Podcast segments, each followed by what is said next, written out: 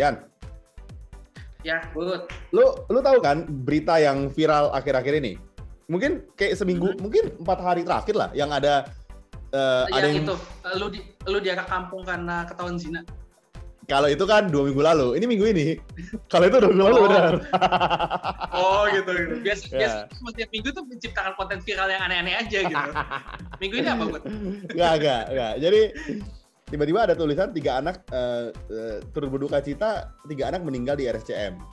Tulisannya Hmm. eh, hepatitis akut, gejala Mhm. adenovirus gitu. Nah itu kan sangat kita Hmm. nggak tahu nih, maksudnya eh, apa yang terjadi gitu. Terus Mhm. tiba-tiba mulailah keluarga besar nge-share, eh cucu-cucu semua jangan keluar dari mana-mana gitu kan. Maksudnya mulai banyak hati-hati. Hmm. Nah, sebelum kita bahas, gue pengen minta maaf dulu sama teman-teman juga bahwa mungkin kalau dokter ini kurang kompeten, gue minta maaf lah sekali lagi di musim lebaran ini kan. Takutnya informasi kita salah, takutnya gitu. Jadi, jadi gue maaf dulu ya, maksud gue gini, jangan sampai ternyata, ya kita minta maaf dulu lah. Kalau sampai terjadi hal yang diinginkan kan, say sorry dulu gitu. Ya, ayo ya, boleh ya, boleh ya.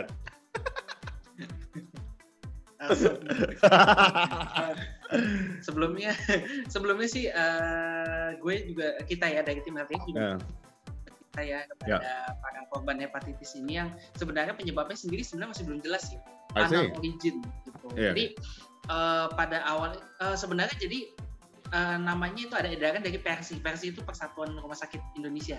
Oke. Nah, Itu dia juga memberikan edaran bahwa mulai ada nih outbreak viral itu pertama kali ditemukan kalau nggak salah di Inggris itu Hmm. pada bulan Maret ya, bulan Hmm. Maret itu kena 10 anak buat Meninggal semua? 10 anak eh, untungnya sih enggak Hmm. untungnya bisa diselamatkan gitu. Hmm. Nah, ini sebenarnya kalau misalnya hepatitis itu kan ada suatu penyakit yang sering kita dengar. Mungkin Hmm. mungkin nggak familiar gitu, tapi kata-katanya sering didengar. Iya, iya, iya, betul. Ya kan? Nggak nggak nggak nggak selangka itu. Cuma eh, yang menjadi masalah pada saat penemuannya adalah hepatitis itu biasanya paling banyak pada anak-anak disebabkan karena virus. Hmm. Hepatitis A, B, C, D, E bisa Hmm. banyak eh, A dan E, A, A biasanya ya karena dia Oke. melalui makanan. Tapi pada anak-anak ini yang mengalami hepatitis dan gejala-gejalanya ternyata tidak ditemukan virus itu. Nah, ini menjadi masalah karena kita belum tahu penyebabnya apa sehingga tidak bisa ada pencegahannya dan takutnya pengobatannya juga eh, pengobatan hepatitis sama tidak suportif. Jadi hanya diberikan terapi-terapi bantuan saja. Tapi penyebabnya itu ganas, nah berarti kan kita harus lebih agresif nih pengobatan eh, terapinya gitu. Nah, kalau penyebabnya belum kita ketahui, ini yang menjadi masalah. Gitu. Oke, tunggu bentar. Laporannya itu buat setahu gue ya, dari Ah. eh, di Maret itu 10 kasus, terus pada bulan April kalau nggak salah itu sudah melonjak menjadi laporan 10 kasus. I see. Jadi peningkatannya pesat sekali. Oke, Kayaknya um, sekarang belum masuk ke Indonesia. Oke, sekarang lu boleh cerita. Gua nggak tahu ya. Gua aja nggak tahu hepatitis itu penyakit apa sebetulnya. Tapi ketika anak lahir pertama kali, mereka suntik hepatitis tuh. Bayi umur dua hari. Atau sehari lah, malamnya langsung orang tua ayahnya dipanggil untuk lihat Ya. divaksin. Jadi hepatitis itu penyakit apa? Kalau COVID, dua tahun, tiga tahun kita hidup dengan itu, kita tahu. Semua pakai masker, eh, semua masuk lewat eh, pernafasan, lewat apa, droplets gitu ya. Hepatitis ini penyakit Hmm. apa? Menyerangnya apa? Gejalanya apa? Secara general, secara umum. Oke. Nah, tapi sobat hati, hepatitis yang akan gue bahas di sini bukan hepatitis yang sedang outbreak saat ini, Hmm, ya. Karena yang tadi gue bilang, kita belum tahu penyebabnya apa. ya, Nah, hepatitis yang akan gue bahas adalah hepatitis yang terjadi secara umum oke. dan eh, tanda dan gejalanya adalah mirip. Jadi diharapkan sobat healthy bisa lebih aware mengenai penyakit ini kalau kalau ternyata ada anggota keluarga atau orang terdekat yang mengalami keluhan seperti ini. Gitu. Ya. Nah, Bud, tadi kan gue udah sebut ya, hepatitis itu kebanyakan bisa penyebabnya macam-macam, Bud. Oke, Yang pertama bisa karena infeksi. oke. Nah, infeksi ya macam-macam bisa kuman, bisa jamur. Tapi yang paling banyak itu sebabnya karena virus. Oke, Hepatitis itu ada lima. oke. A, B, C, D, E.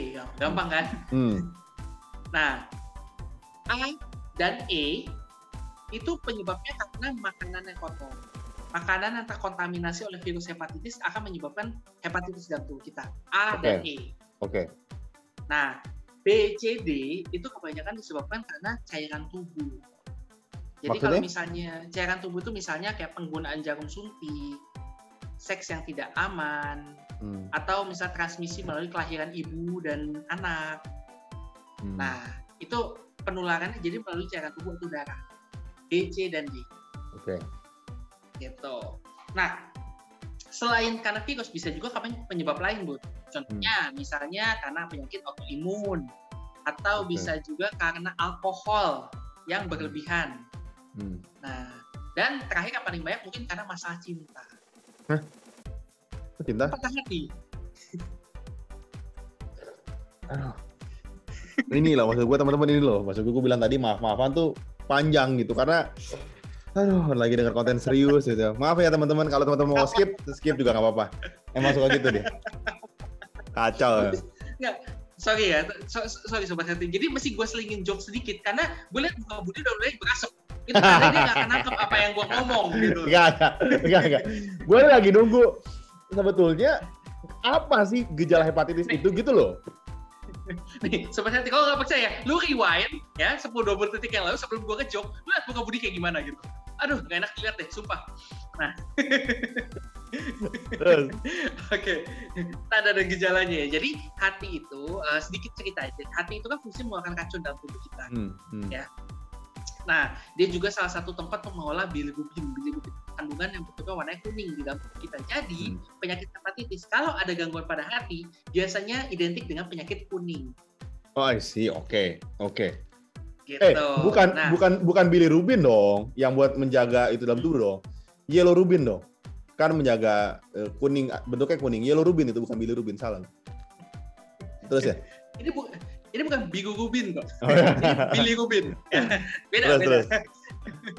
Nah, jadi eh, pada saat prosesnya nggak bagus, ya terjadi penumbukan bilirubin sehingga tubuhnya menjadi cenderung kuning. Nah, sebenarnya paling gampang diketahui adalah penderitanya menjadi lebih kuning warna kulitnya. Tapi warna kulit kadang-kadang agak susah untuk di eh, apa namanya untuk kita kenali secara langsung karena eh, apalagi kalau misalnya kulitnya gelap ya. Jadi agak sulit. Nah, cara paling gampang adalah kita melihat matanya. Bagian putih di mata yang kita sebut dengan sklera itu seharusnya warnanya putih. Hmm. Misalnya dia terkena penyakit kuning, maka otomatis dia akan menjadi kuning. Dia suruh aja penderitanya untuk buka kelopak mata itu sudah ke bawah. Nah, Maka kalau sebagai maka kalau- sebagian besar eh, sklera atau putihnya akan lebih gampang terlihat. hmm, kalau lu itu hijau itu mata duitan ya? Skleranya hijau itu? Emang gitu ya? Enggak, gue gua nanya aja ini penyakit baru bukan? bukan. Ya nggak sih? Itu serakah aja emang. terus terus enggak sampai sini belum puas gua karena kalau penyakit kuning kan nggak berimbas apa-apa nggak bikin mati kayak covid sesak napas kan enggak apalagi efeknya masa gitu doang Nah, ini ini ini kita baru bilang tanda dan gejala, Bu. Ini kita Oke. belum nyampe ke efek dari penyakitnya itu apa gitu. oke oke Nah, jadi terus yang kedua, eh, zat kuning itu di dalam kulit itu tuh bikin gatel oke kalau terlalu banyak. oke Makanya penderitanya datang dengan kulit terasa gatal. oke Nah, yang ketiga, ini juga bisa paling banyak terlihat maka adalah buang air kecilnya seperti teh kuning banget atau merah menuju merah eh menuju merah kayak kuning eh, kayak orange senja. iya iya iya iya iya. Ya, tahu, tahu ya. Jadi jadi dengan buang pokoknya kalau misalnya ada pasien dengan curiga, wah buang air kecilnya seperti teh, kita pasti para medis kita udah memikirkan nih masalahnya pasti pada hati. Cuma Hmm. penyebabnya apa aja, itu yang kita belum tahu. Mm, mm, mm. Kalau Gitu. kalau misalnya kurang kurang minum tuh nggak nggak sampai begitu warnanya ya nggak sampai kayak orange senja nggak sampai segitu Oh. kalau kurang minum Itu pekat, itu bisa juga, Bud. Cuman Hmm. pekatnya kadang-kadang ada yang kuning kan. Kuningnya Hmm, kuning iya, kental iya gitu. iya iya Nah, kalau yang dia, threadnya itu bukan pekatnya, tapi lebih kepada warnanya itu seperti warnanya yang kita lihat. Jadi oke kalau misalnya kurang minum, lu minum banyak juga nanti setelah itu dia kan cair lagi, ya, jadi lebih bening lagi. Tapi kalau misalnya pada kasus ini, itu biasanya tetap warnanya adalah bentuknya orange, orange Ya. senja. oke oke make sense Nah, yang ketiga, ini juga biasa datang paling banyak adalah kalau karena hati itu adalah sistem pencernaan, maka dia akan datang dengan keluhan pencernaan. Mual, muntah, diare, nggak bisa makan. Dan pada anak-anak ini mesti waspada banget karena efek sampingnya bisa berupa dehidrasi. Gitu. oke Nah, kalau misal lu tanya, Bud, kenapa kalau misalnya hati itu kena hepatitis bisa berbahaya? Banyak, Bud. Jadi kasus-kasus hepatitis yang akut itu eh, bisa menyebabkan koma. Pada Hmm. kesadarannya itu tidak eh, kesadaran pasien itu hilang. Hmm. Dia penurunan kesadaran, akhirnya terpasang dengan alat bantu pas intensif karena fungsi hatinya benar-benar terganggu sangat berat. I see oke gitu. Nah, itu itu itu itu apa namanya itu uh, gangguan akut yang kegawatan yang nomor satu ya kegawatan yang nomor dua ada beberapa virus hepatitis terutama hepatitis B dan hepatitis C hmm. itu efek jangka panjang ya meningkatkan resiko terjadinya kanker hati. I see. Oke. Okay. Gitu. Dan seperti semua virus kita belum punya antivirus yang benar-benar bisa 100% menghilangkan virus tersebut. Yeah. Artinya kalau misalnya lu sekali terinfeksi oleh hepatitis B, ada obat-obatan, pengobatan, tapi tidak menjamin tidak akan menimbulkan komplikasi ke depannya. Gitu. Oke, okay, oke. Okay. Lu ada lagi nggak? Gue punya banyak pertanyaan soalnya. Nah, yang ketiga terakhir, Bud. Hmm, hmm. Kalau misalnya ternyata fungsi hatinya sudah terlanjur uh, rusak parah dan tidak bisa kembali lagi, maka solusi akhirnya adalah transplantasi hati. Nah, case yang gue sebut tadi itu di Inggris itu yang 10 orang kalau nggak salah ingat itu ada antara satu atau tiga orang itu yang akhir pada akhirnya harus menerima transplantasi hati untuk pengobatannya. Oke, okay, oke. Okay. Sedangkan sedangkan lu tahu kan kalau bisa di Indonesia itu yang namanya ilmu transplantasi itu masih uh, belum maju. Uh, sebenarnya belum bisa dilakukan di Indonesia juga, donornya juga terbatas sehingga jadi ini menjadi masalah juga nih kalau misalnya ternyata pengobatannya tidak mendapatkan pelayanan yang uh, tidak diobati dengan baik.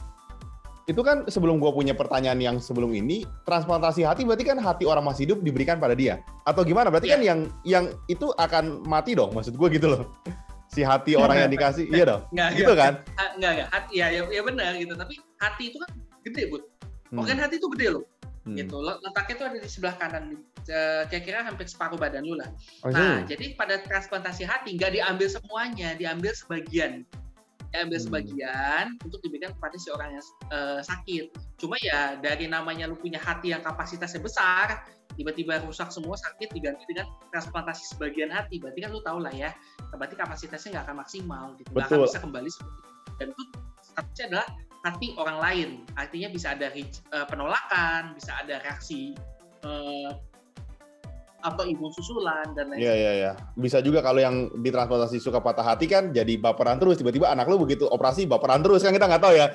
Efek jangka panjangnya kan belum ada penelitian yang mungkin. Jadi tapi gue mau nanya ya, nih sama mungkin, lu. Ah. Mungkin orang yang sering patah hati itu gampang transplantasi karena udah patah-patah kan. Oh iya. di sini gitu. Jadi sebetulnya mempermudah ya sebetulnya ya kalau dia punya hati patahnya banyak mungkin bisa dibaginya ke beberapa orang sebetulnya karena kan gampang tinggal kotek gitu eh, yang tapi ini pertanyaannya um, berarti kan efek dari hepatitis nggak pertanyaan gue gini deh kan hepatitis A dan E lewat makanan gitu ya hmm. kemudian B C dan D lewat uh, tadi ada suntikan darah dan hmm. teman-teman hmm. gitu ya hmm. pertanyaan gue apakah kelima hepatitis ini um, punya impact yang sama. Tadi lu udah bilang kan, yang A dan yang B berbahaya, betul ya tadi ya? Maksudnya nasi sayang yang yang, B dan C. Oh B dan C. Maksud gue yang lain ini apakah nggak ada masalah atau semuanya berimplikasi sama seperti tadi mendadak koma atau yang lain? Gue pengen tanya itu. Uh, sebenarnya kembali lagi ini tergantung dari jenis virusnya bu. Sama hmm. aja kayak lu nanya sama-sama covid tapi ada omikron ada delta gitu. Oh iya. Kita okay, tahu ya kita tahu karakter delta lebih merusak, yeah. karakter omikron lebih nah kayak hepatitis itu seperti itu. Kalau okay. misalnya kita bicara karakter A, uh, eh, gue bandingkan A dan E ya, karena mereka hmm. sama-sama melalui makanan. Hmm. Nah A itu lebih ganas dibandingkan E. Gitu. Okay. Jadi kerusakan yang disebabkan karena A itu biasanya lebih eh, secara umum lebih berat derajatnya dibandingkan dengan E. Oke. Okay. Nah, uh, berarti kecenderungan untuk menyebabkan lebih tinggi. Oke. Okay. hepatitis B dan C itu dia menetap di dalam tubuh kita. Yang gue bilang tadi meningkatkan kemungkinan terjadinya kanker. Hmm. Dan menyebabkan juga kemungkinan terjadinya uh, kita sebut namanya sirosis hepatis. Jadi uh, di mana kondisi hati itu karena sudah keseringan terinfeksi infeksi infeksi terus lama-lama dia jadi menjadi seperti jaringan batu jadi dia nggak bisa berfungsi apa apa lagi hmm. gitu ini di luar cancer ya nah ini juga bisa menyebabkan hati itu lama kelamaan tidak bisa berfungsi ujung-ujungnya transplantasi juga ya, jadi gua, kalau misal lu hmm. tanya hmm. jadi kalau misal lu tanya bahayanya bagaimana itu eh, nggak uh, bisa dibandingin apple to apple ya bu ya, karena paham, setiap paham. dia punya kekuatannya sendiri paham oke okay. uh, eh, mari eh, kita masuk pertanyaan kedua gue tentang penyebabnya kan lewat makanan yang tidak bersih maksud gue berarti virus ini menyebarnya tidak lewat droplet atau secara langsung. Bener nggak? Maksud gua berarti Hmm, dia hmm. berarti dia masuk di konsumsi makanan. A- atau pertanyaan kedua gua atau memang virus ini bisa di mana-mana. Misalnya tempat lu nggak bersih, dia ada dropletnya masuk juga. Maksud gua gua pengen tahu kan kalau virus eh, AIDS ya kan lewat penularan darah gitu ya. Kita nggak bisa eh, nempel masuk gitu. Nah, kalau hepatitis ini tipikalnya gimana? Jadi kan kita tahu nih pencegahan kita tuh seperti apa. Kalau COVID kan kayaknya kita hatam banget dengan bersih-bersih. Nah, Hmm, hmm. hepatitis ini seperti apa? Kelima virus ini ya? Nah, kalau BCD, Bud, bisa lu bilang tuh dia seperti AIDS penyebarannya.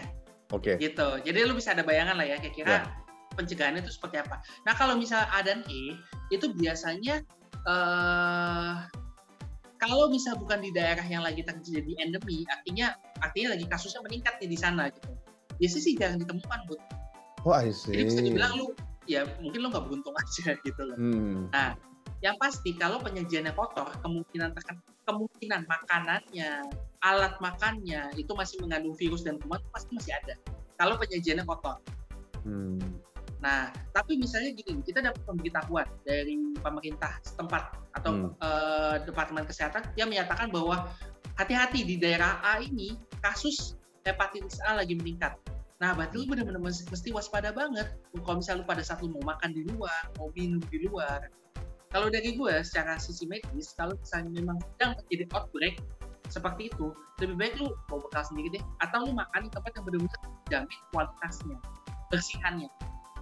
I see. Itu salah satu cara menghindarinya.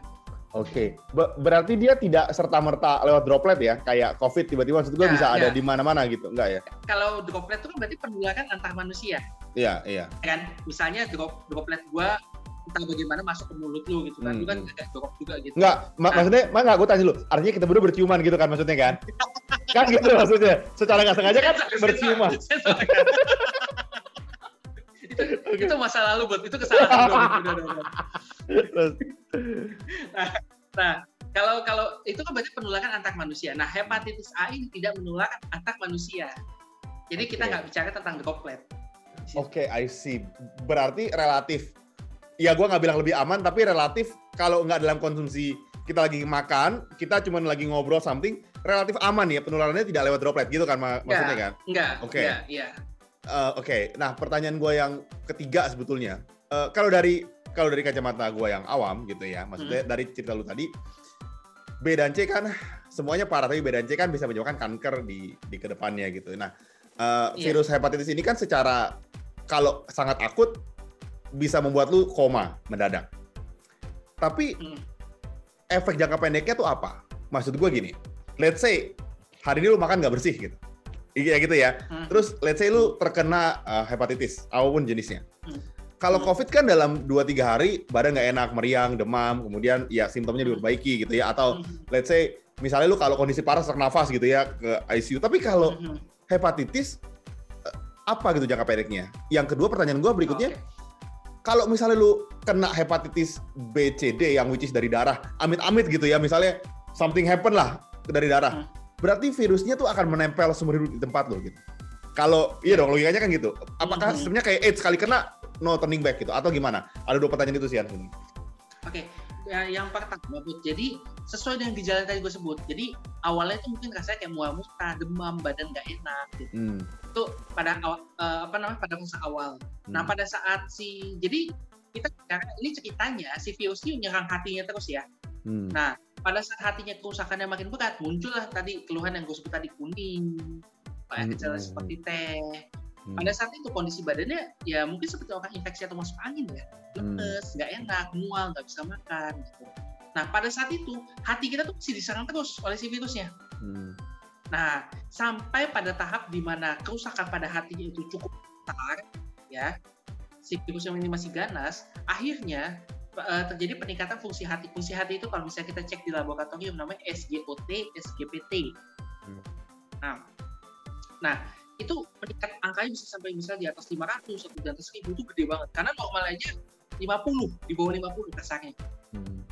Karena 10 kali lipat. Nah, itu bisa menyebabkan virus yang tiba-tiba pasiennya jadi koma I see. gitu. Tapi kalau misalnya ternyata nih dalam perjalanan penyakitnya ternyata virusnya nggak ganas-ganas banget, dia merusak hati tapi kondisinya masih bisa kita tahan lah gitu. Kita berikan terapi suportif, kita berikan terapi cairan, uh, kita obatin dan ternyata kerusakannya mulai berhenti nih pelan-pelan, fungsi hatinya mulai membaik. Nah berarti bisa jadi nggak menyebabkan koma juga. Gitu. Jadi yang tadi kita sebutkan adalah worst case scenario. Worst case scenario. Oke, gua stop dulu sebelum masuk pertanyaan kedua. Yan, berarti kalau misalnya orang, let's say makan, bagai kasusnya, makan hari ini, kemudian terinfeksi hepatitis. Berarti dalam jangka pendeknya, agak susah untuk dia masuk masa ada masih gue ngecek hati gue ah lu ngerti gak maksud gue kan agak random tuh untuk ngecek kena virus atau enggak gitu. Karena gejalanya oh. tentu gejala panjang lu lu paham gak maksud gue iya dong. Nah. kan agak agak random tuh orang orang mengecek kena hepatitis atau enggak gitu. Iya kan? Iya iya iya iya. Tapi Jadi, kalau pengecekan pen, uh, ah, gue ngerti maksud lu bud. Tapi pengecekan hepatitis itu memang jarang banget kayak yang lu bilang jadi kalau misalnya kayak gue habis makan di luar, waduh jadinya gue kena hepatitis, gue cek gitu. Ah, iya, iya, iya, iya. Nah, jarang banget dilakukan dan biasanya juga hasilnya belum akan muncul di laboratorium. Biasanya nggak akan muncul pada saat sudah memiliki gejala. Gitu. Itu itu berapa lama ya maksud gue? Apakah based on kondisi tubuh? Let's say kalau misalnya kita COVID kan, kalau kita kondisi tubuhnya prima atau masuk angin atau pada umumnya lah ya. Hmm. Kalau kita fit kan hmm. relatif nggak terjadi apa-apa gitu ya. Yeah. Maksud gue, ah, ketika hepatitis masuk, apakah kondisi tubuh juga berpengaruh? Yang kedua, berapa lama tuh dari dia kena sampai tiba-tiba bergejala yang curiga? Gue cek deh gitu. Berapa lama kira-kira dari pengalaman lu deh? Kalau masa inkubasi itu bisa antara 3 sampai 7 hari tuh. Jadi Pasti. bisa sekitar sampai satu mingguan gitu yeah. ya. Hmm. Nah, pengecekan baru bisa dilakukan biasanya kalau memang sudah ada gejala. Itu ukurannya di sana. Hmm, gitu. Nah, terus menjawab pertanyaan lu, virus hepatitis B dan C, iya dia menetap di dalam tubuh. Nah, hmm. tapi pertama, makanya kenapa kita menggalakkan vaksin hepatitis? Dari awal, Tadi dari bayi. kan dari awal, hmm. dari bayi yeah. kan. Nah, yeah. karena seberbahaya itu hepatitis B sebenarnya, hepatitis B dan C ya. I see. Seberbahaya itu makanya, makanya penggalakan vaksin itu nomor satu. Setidaknya kalau misalnya ternyata kita terpapar oleh virus hepatitis yeah. melalui cairan tubuh dan lain-lain, kita itu masih punya pertahanan yang mudah-mudahan kita tidak terinfeksi gitu. Hmm. Hmm. Nah, terus yang kedua, sampai saat ini pengobatan kedokteran jadi ada nih regimen-regimen antivirus yang bisa kita berikan walaupun mungkin uh, harus dikonsumsi setiap hari gitu. Cuman memang pada dasarnya itu bisa menurunkan uh, keganasan si virus ini. Harapannya jangan sampai terjadi kondisi tadi gue bilang hatinya menjadi batu atau menjadi cancer. Ini untuk yang khusus B dan C kan ya, maksudnya spesifik virus yang berbahaya ini gitu ya? Uh, B, C, dan D. B, C, dan D. Ya? Sifatnya ya? seperti itu. Tapi paling banyak adalah B dan C. I see. Oke, okay, oke. Okay. Gue sendiri belum pernah menemukan kasus hepatitis D soalnya dalam sama gue praktek gitu.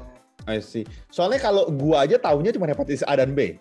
Gue nggak tahu tuh ada CDE bahkan. Karena orang sering bilang hepatitis A, hepatitis lu, B gitu. Lu, lu TK lulus gak sih? Masa cuma tahu A sama B? Enggak, lu gue lagi serius ini. Teman dengan kita lagi lagi ngedengerin lagi ngedengerin pertanyaan kritis dari gue sebetulnya. Gue yakin nih, mereka si Mas Budi lagi nanya apa gitu.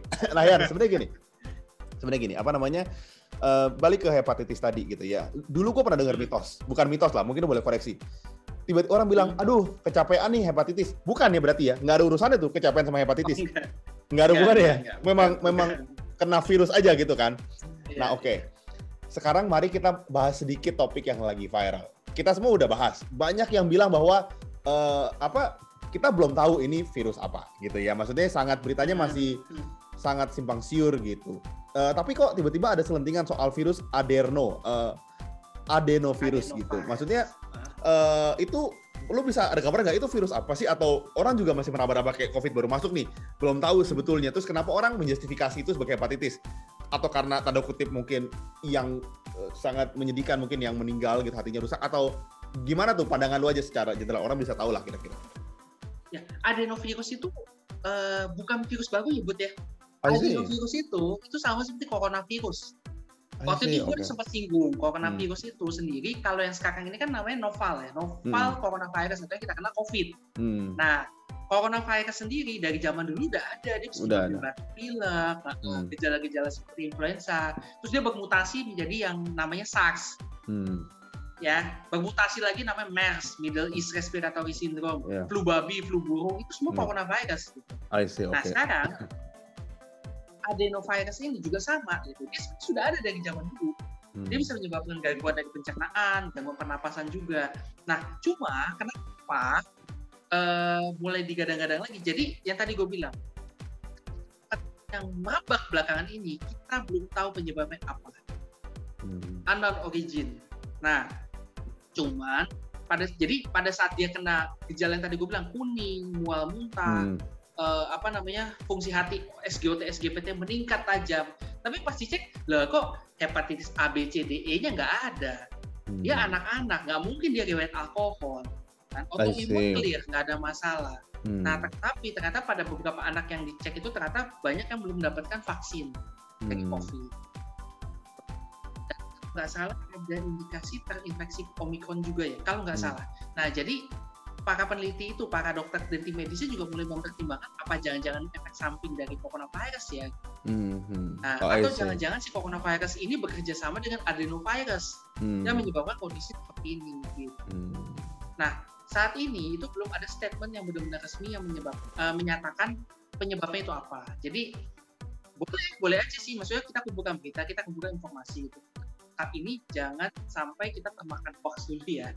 Dalam arti, wah kemarin mau baca adenovirus, ya udah pasti nih adenovirus mulai cari-cari kan penyebabnya. Wah ada di sekitar kita, gimana nih gue mesti ngapain gitu. Ya, ya, Padahal ya. belum tentu, gitu belum ya, terbukti ya. gitu adenovirus sebagai penyebab ini. Hmm. Gitu. Jadi ba- banyak info yang memang masih berkeliweran, makanya yang pasti emang cuma Healthy ID lah. Ya gila, gokil. Sekalipun mungkin Sebut dong narasumbernya siapa? Enggak, enggak, enggak, enggak. Sekalipun gue nggak percaya juga sama dia, sama Adrian ini. Gue nggak terlalu yakin juga, makanya gue cari sumber lain sebenarnya boleh ya. nah, Yan, em, em, em, mari kita galakan hal yang kita galakan. Hal yang harus kita lakukan untuk amit-amit gitu ya, mencegah eh, kita nggak tahu penyakit apa ini atau hepatitis, apa yang paling penting sebetulnya? Kalau Oke. kalau COVID udah sering lah, kita udah hatam banget ke mana-mana udah sanitizer. Kalau untuk eh, si hepatitis ini apa yang mesti kita lakukan? Oke, kalau misalnya kita bicara tentang hepatitis yang virus, seperti yang sudah pernah gue sampaikan sebelumnya, eh, waktu itu kita sempat bikin TikTok juga ya untuk yang Hmm. seks, eh, seks secara aman. Yang pertama adalah eh, selalu hati-hati dengan kebersihan makanan yang kita makan. Hmm. Ini nggak menyangkut karena ada hepatitis A, Ya. hepatitis E, tipes juga penularannya melalui makanan gitu. See, Jadi oke. eh, selalu kita jaga kebersihan makanan yang kita makan. Kita lihat dulu lah gitu. Hmm. Terus yang kedua eh, berkaitan dengan cairan tubuh itu ya. Ini udah pasti udah digalakan dari SMA. Jadi jangan berhubungan seks sembarangan. Hmm. Pada saat berhubungan seks gunakan pengaman. Hmm. Lalu juga jarum suntik itu harus digunakan masing-masing. Jangan sampai menggunakan jarum suntik bersamaan. Enggak, ya, ya. Jadi jadi jadi kalau misalnya teman-teman mau nyabu ya sendiri-sendiri jarumnya gitu kan. Jangan bareng-bareng. Maksudnya gitu dong. Iya. Jadi, jadi kalau lu pengen have atau Benar-benar iya dong. Benar apalagi apalagi lagi zaman eh, lagi situasi liburan seperti ini lagi banyak diskon banyak gue nyabu oh, diskon iya, 50% iya. benar benar benar. Benar benar. Jadi memang Adriani emang kurang pintar. Jadi memang makanya gue bilang, maaf ya teman-teman, kalau dia kurang cerdas ya dimaafin lah. Terus ya, terus ya. nah nah terus kalau misalnya untuk menyangkut ya oh iya satu lagi Eh, yang selain jarum suntik adalah penggunaan jarum tato Apa? ini juga banyak nih Apa jarum apa? Oh, jarum tato ya. Oh. Eh, jarum tato juga harus berhati-hati sih karena itulah alasannya kenapa kalau tenaga medis lihat orang tatoan tuh takut bukan takut sama tatonya tapi takut karena bagaimana jarumnya gitu Iya, iya, iya, ya, Nah, paham, sedangkan paham. kalau paham. kita kan kadang-kadang ya sedangkan kalau kita kan harus berinteraksi kan dengan pasien Ya, yang bisa ya. menggunakan jarum suntik dan Ya, itu ya. harus hati-hati banget. Betul, betul. Nah, Untuk hepatitis kasus sekarang di mana kita belum tahu penyebabnya, pesan gue cuma satu, jangan sampai termakan hoax. Udah itu aja. Ya, Jangan ya, menimbulkan kepanikan terlebih dahulu. ya, ya. Wait and see. Kita lihat dulu, kita update boleh, kita follow up boleh, tapi itu informasi yang kita sebarkan ya kalau bisa harus dari sumber yang terpercaya gitu. Jangan Hmm. cuman dari forwardan WA doang yang nggak jelas kabarnya, lu sebar semua di grup dan Ya, membuat ya, kepanikan secara massal. Paham, paham, paham. Untuk saat ini cuma itu doang yang bisa kita lakukan. I see. Dan dan Dian, em, ini menarik yang barusan lu bilang. Lu manajer rumah sakit kan? Hmm? Pasti kan sebagai manajer rumah sakit lu pengen menambahkan revenue rumah sakit lu kan? Hmm. Gue kasih ide, gue ini menarik. Lu buka jasa tato di rumah sakit. Jadi datang, lu ngerti nggak? Dalamnya terjamin, semua sterilisasi ada, sebelum ada artisnya tatonya, suster membersihkan lu semua. Itu namanya revenue. Coba dulu sampaikan ke rumah sakit lu. Satu-satu rumah sakit di Jakarta yang bisa memberikan pelayanan tato terjamin secara medis. Gua rasa itu menarik idenya. Iya, gue serius. Ini gue serius. Iya, ketawa. Tatonya, serius. Tatonya apa? I love mama. nanti nanti ide ini gue akan gue patenkan gitu ya. Siapa tahu beberapa rumah sakit akan meminta gue sebagai jasa konsultan untuk bisa menghandle. Sebenarnya gimana sistemnya? Nanti bisa gue bantu lah. Tapi atau HealthyX as a as a group bisa membantu gimana caranya penyuluhan tato yang sehat gitu ya. Jadi teman-teman em, kita berharap gue setuju karena informasi yang tidak benar dan beredar di masyarakat itu bisa bikin hal yang lebih berbahaya daripada penyakitnya kadang-kadang. Karena lu nggak tahu apa yang terjadi kan? Nah jadi bener-bener kalau pakai masker cuci tangan gua rasa nggak covid pun itu kesehatan yang bagus sebetulnya gitu ya. Kalau menjaga kesehatan makan semuanya itu gua rasa itu baik. Jadi semua yang baik dan pro kesehatan gua rasa lakukan aja ya apa pun kondisinya gitu. Dan jangan sampai termakan hoax. Misalnya minum ini bisa menyembuhkan ini minum ini menyembuhkan ini atau makan ini makan itu makan ini dengan berbagai macam suplemen biasanya setelah kasus virus ini muncul akan muncul banyak suplemen yang mengatasnamakan eh, dokter siapa, dokter siapa, rekomendasi siapa itu akan banyak muncul. Jadi hati-hati banget. Kita nggak menyalahkan suplemennya, tapi kalau kalian percaya itu jadi bahan penyembuhan, hati-hati karena belum terbukti secara medis. Sekarang aja masih diteliti kan gitu. Nah, baik lagi, HTX akan tayang tiap Senin dan Kamis. Kita akan ngasih informasi kesehatan, informasi yang benar, berita-berita hoax yang kalau bisa kita lawan supaya teman-teman bisa dapat informasi yang benar dan sesuai. Jadi sampai situ aja. Eh, sampai jumpa di episode minggu depan. Stay healthy. And stay alive. Bye-bye. Bye-bye.